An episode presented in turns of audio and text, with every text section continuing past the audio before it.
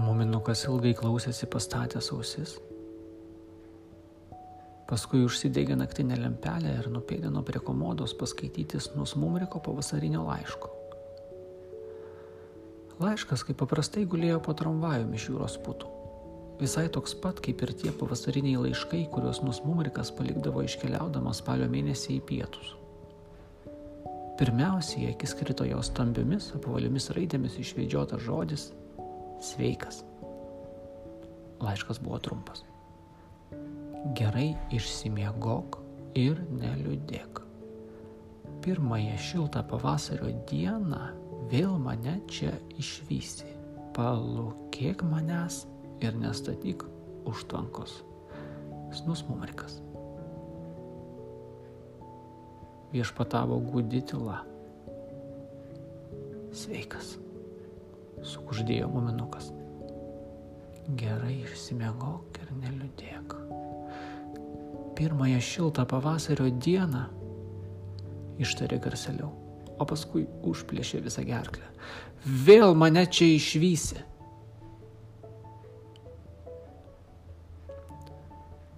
Penktoji laida.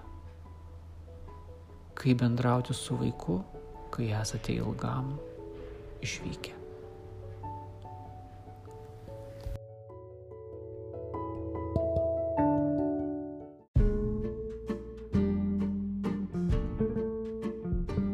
Labadiena, o gal naktis? Su jumis iš savo kabineto studijos sveikinuosi aš, psichologas Vytis Valantinas. Jūs paspaudėte nuorodą, kuri atvedė jūs į podcast kanalą skirtą tėvams. Ką tik girdėjote ištrauką apie išsiskyrimą, kurią jums perskaičiau užtuvės Janson knygos Stebuklinga žiema. Į lietuvių kalbą ją vertė Laima Baryšienė. Diplomatai, politikai, kariškiai, pilotai, stewardai, tolimųjų reisų vairuotojai, kelionių gidai, gastrolės vykstantis profesionalus muzikantai, aktoriai, šokėjai ir kiti atlikėjai, sportininkai, stažuočių siekiantis mokslininkai, gydytojai, užsienyje dirbantys žurnalistai, jūrininkai. Aš vardinu jums amžinųjų keliautojų profesijas. Visas jas jungia būtinybė keliauti, nuolat ilgesniam laikui palikti savo namus, sutoktinius, vaikus, visus tuos, kuriuos mylime. Čia taip pat reikia paminėti žmonės, kurie namų ilgam netenka ne dėl profesijos, bet tuos, kuriems dėl pablogėjusios sveikatos, sunkios lygos ar rehabilitacijos tenka ilgam laikui išvykti į gydymo įstaigas, o taip pat tuos, kurie išsiskiria su artimaisiais, nes atlieka bausmes įkalinimo įstaigose. Kiekvienas vaikas, nepaisant šių aplinkybių, trokšta turėti kasdienį, nepertraukiamą ryšį su savo tėvais, kad galėtų patenkinti svarbiausius saugumo ir meilės poreikius. Vaikams yra svarbu savo tėvus matyti, stebėti, kaip jie elgesi ir tokiu būdu iš jų mokytis, būti tėvų apkabinamiems, su jais kalbėtis, užduoti klausimus, klausytis pasakojimų, žaisti, veikti kažką kartu. Bet šiuo atveju jų dažnai nėra kartu. Kartais sakoma, kad šios profesijos nesuderinamos su šeimos gyvenimu ir vaiko poreikiais. Ar tikrai? Ši problema žinoma seniai ir aktuali daugeliui. Štai rašytojas Džanis Rodaris tam tikslui parašė pasakas telefonu sekdavo ją savo dukreliai. Šioje laidoje papasakosiu keletą idėjų, kaip daug keliaujantys suaugusieji gali bendrauti su vaiku, kad jam būtų bent kiek lengviau tverti išsiskyrimą, palaikyti ryšį su išvykusiu tėčiu ar mama.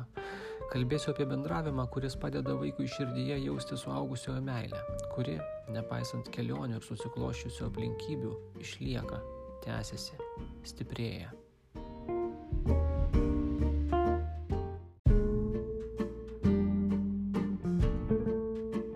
Prieš vardindamas atskiras idėjas noriu pasakyti porą žodžių apie bendravimo su vaiku kokybę. Daugelis žmonių išgirdę jie sako, tai bent sugalvojai. Kur man gauti tiek laiko, nėra tam pinigų ir kitaip. Laikas ir pinigai tai du savotiški koziriai, kuriais mes lošiame tada, kai užsimenama apie akivaizdžią bendravimo su vaiku stoką. Ir vis dėlto vaikystė yra laikas, kai vaikams gyvybiškai reikia suaugusiųjų, labiau nei suaugusiems vaikų. Kada nors neišvengiamai ši situacija pasikeis ir bus priešinga. Mums labiau reikės ir trūks mūsų užaugusių vaikų negu jiems mūsų. Tai gyvenimo desningumas. Vis dėlto daugelis žmonių klysta vertindami, kiek tiksliai laiko reikia kokybiškam pabendravimui su vaikais ir ar tikrai jo tiek neturime. Dažnai šio laiko reikia gerokai mažiau nei mes įsivaizduojam. Kai kalbam apie pinigus, dažnai teisinamės, kad dirbdami daug mes rūpinamės vaiko gerovę. Tačiau vaikui svarbesni ne popieriniai, bet dvasiniai pinigai ir turtas, kuriuos sudaro būtent laikas, kurį tėtis, mama skiria galvojimui apie vaiką, rūpinimuisi mažomis vaiko gyvenimo smulkmenomis.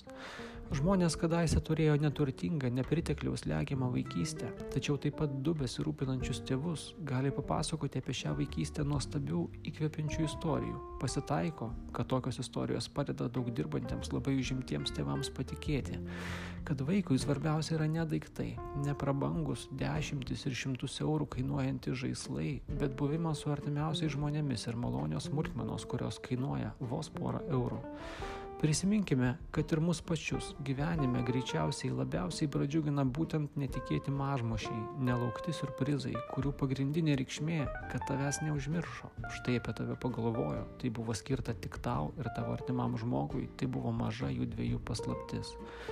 Tėvų dėmesys vaikams nuspalvina vaikų gyvenimus, mintis ir iš šaltokas bei drėgnas lietuviškas vasaras atneša emocinę šilumą, kurios labiausiai reikia vaikams.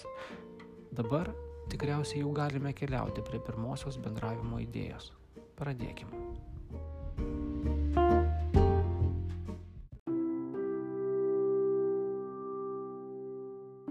Pirmoji idėja. Laiškai.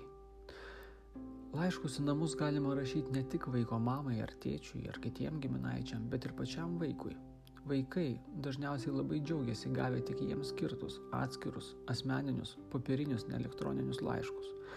Net jeigu jie patys dar nemoka gerai skaityti, o laišką perskaityti padės namiškiai ar mokytojai, popierinį laišką vaikas galės nuolat turėti su savim, slapčiai jų apžiūrinėti, apie jį kalbėtis. Vaikui vertybė yra ne popieriaus, ant kurio parašytas laiškas kokybė ir kaina, ne prabangus vokas, o tai, kas tame laiške parašyta ar nupiešta. Jūs galite puošti laiškus ir vokus savo piešiniais, nesidrovėkite piešti ir spalvinti. Tai gali kiekvienas. Vaikui šios iliustracijos patiks, net jeigu jūs pats manot, kad jūsų piešiniai netikė. Sukurkite laiškė eilėraštį ar pasaką, įdėkite į voką niekučių iš kasdienės aplinkos, saldainio papirėlį, gražią skrajutę, lipduką, traukinį ar autobuso bilietą, sudžiovintą geležėdą ar medžio lapą, iškarpą iš laikraščio su komiksu, įberkite į voką šiek tiek pajūrio smėlio, įmeskit mažą kreuklę ar pakrantį įaugusią smilgą. Visi šie dalykai padės vaikui jausti, kad apie jį galvojat, jis jums rūpi. Jūs galite rašyti laiškus ant spalvoto popieriaus, įvairių spalvų tušinukais ar pieštukais. Jūsų laiškai gali būti įvairių formų, jie gali būti parašyti ne tik ant įprasto laiškų popieriaus, bet ant servetėlių, padėkliukų puodeliams, kuriuos vaikas galės panaudoti gerdamas namuose arbatą, nuotraukų ir kitą. Rašykit laiškus iš skirtingų vietų, pridėkite jų nuotraukas.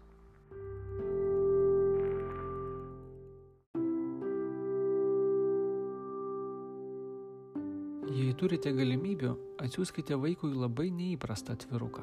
Nufotografuokite kažką gražaus iš vietos, kurioje gyvenate, kai esate išvykęs.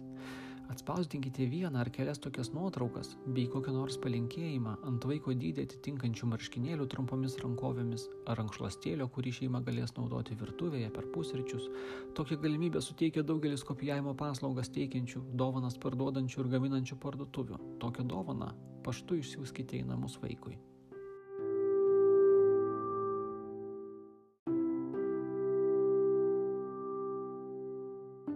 Antroji idėja - pasakos prieš miegą.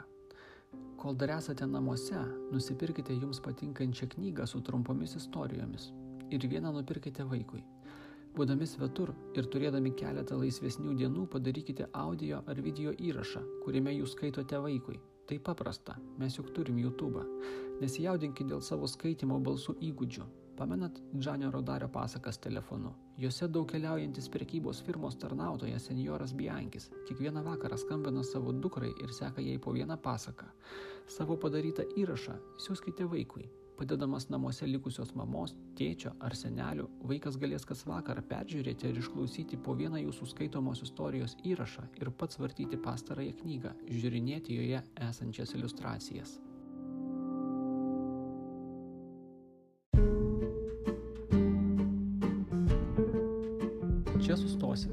Mano kolegė žurnalistė Eglė Zaira neramių balsų prasitarus. Tavo įrašai vis ilgėja. Jokais daviau pažadą neviršyti 10 minučių. Pratęsiu pasakojimą kitoje laidoje. Šį podcastą jūs galite rasti ir prenumeruoti Apple Podcast, Spotify, SoundCloud platformose. Jeigu jis jums aktualus, rašykite komentarus, pasiūlymus, klausimus mūsų Facebook paskyroje, kurią rasite įvedę pavadinimą psichologinė pagalba vaikui ir šeimai. Arba siūskite elektroniniu paštu vytis.valantinas.gmail.com. Visada įdomu, ką jūs galvojate. Mano reglės straipsnius apie vaikų gyvenimą galite skaityti žurnale Tavo vaikas. Susitiksim vėl. Iki.